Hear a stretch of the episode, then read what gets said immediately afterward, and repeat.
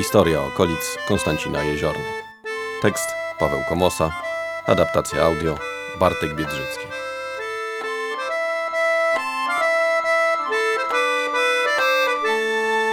Zaginione miejsca. Grabie. Co wspólnego miały ze sobą Bielawa i Falenica oraz Obory? Granicą na rzece Wiśle. Obecnie Falenica czy Świder wydają się odległe z perspektywy Konstancina, zresztą z wzajemnością, bowiem komunikują się jedynie dzięki mostom w Warszawie i w Górze Kalwarii. Niegdyś dla ówczesnych mieszkańców miejscowości te stanowiły najbliższe sąsiedztwo, a ich granica była mocno newralgiczna i zapalna. Na portalu opisywaliśmy już kiedyś awanturę urządzoną na wyspie pośrodku Wisły między dziedzicem Falenicy a chłopami z dworu w Oborach. I do tego skrawka ziemi na chwilę powrócimy, tym razem cofając się do czasów jeszcze dawniejszych. Wisła zmieniała koryto dość często, wskutek czego w XVII wieku do dóbr oborskich należały działy ziemi w Świdrze i Falenicy. Nim jednak do tego doszło, granica przebiegała w okolicy wsi Grabie. Miejsce to nie pojawiło się nigdy na żadnych mapach. Pamięć o nim przepadła już w dawnych wiekach, jak o łazach, Grądzie, Nartach i innych miejscowościach leżących niegdyś w tych stronach, z których wiele nie jest znanych nawet badaczom Mazowsza. Dokładnego położenia grabi zapewne nie uda się poznać nigdy, bowiem znalazły się one pod korytem Wisły, skutek powodzi, która całkowicie zmieniła jej przebieg. Grabie leżały nieopodal Falenicy i były bezpośrednim jej sąsiadem, bowiem najstarsza o tej miejscowości zachowana wzmianka dotyczy rozgraniczenia tych dóbr dokonanych w roku 1409 przez Piotra z Falenicy. Obie te miejscowości wyznaczyły granice ziemi czerskiej i warszawskiej, a także w ich okolicy znajdował się wówczas młyn zwany Traczem. Być może był to pływający młyn umieszczony na wodłach Wisły, zwany Biździelem, bowiem występuje pod tą nazwą przez kilkadziesiąt kolejnych lat. Grabie zawsze wzmiankowano z tej okazji włącznie z Falenicą, z którą stanowiły wspólne dobra ziemskie. Grabie leżały zapewne nad samym brzegiem Wisły, podobnie jak ówczesna Falenica.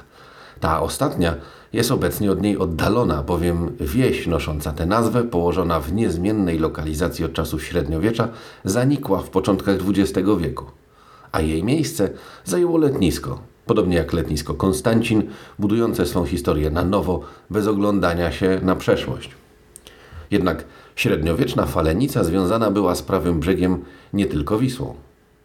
W roku 1472 jej właścicielem wraz z młynem i wsią Grabie stał się Mikołaj Bielawski, rodem z Bielawy.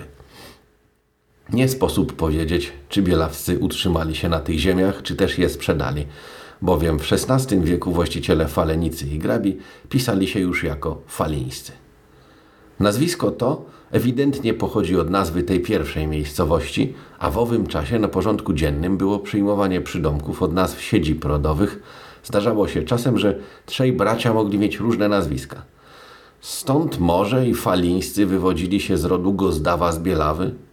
Jeszcze w pierwszej ćwierci wieku XVIII do nich należała Falenica. Powróćmy jednak do Grabi, na które zaczęła wywierać wpływ kapryśna Wisła.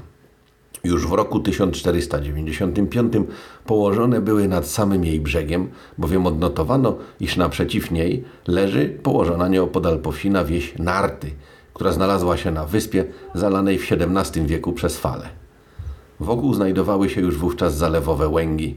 Jeden z nich wymieniono nawet z nazwy, co jest jednym z najstarszych wystąpień tego słowa w obszarze Łużyca, który być może od łęgów wywiódł swoją nazwę.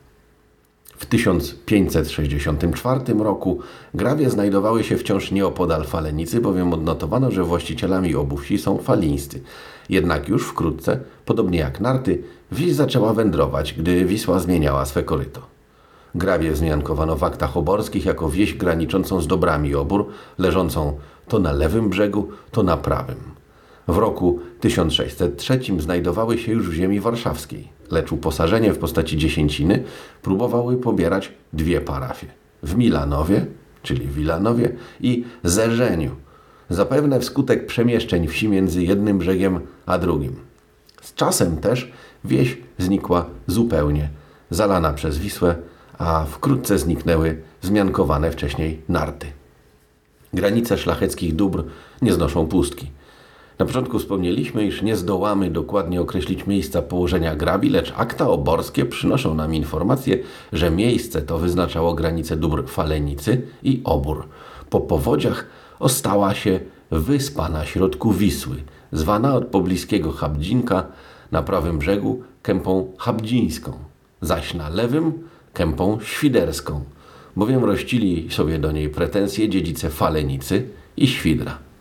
Było to opisywane już niegdyś przez nas miejsce, gdzie przez wiek toczył się spór między falińskimi a wielopolskimi, którzy wycinali sobie nawzajem drzewa i przesuwali kopce graniczne.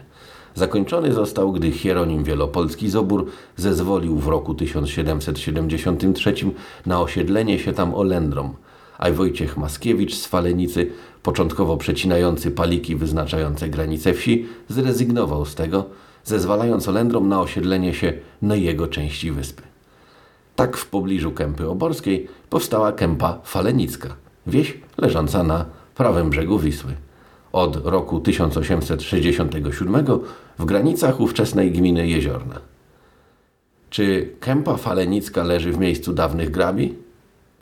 Jest to prawdopodobne.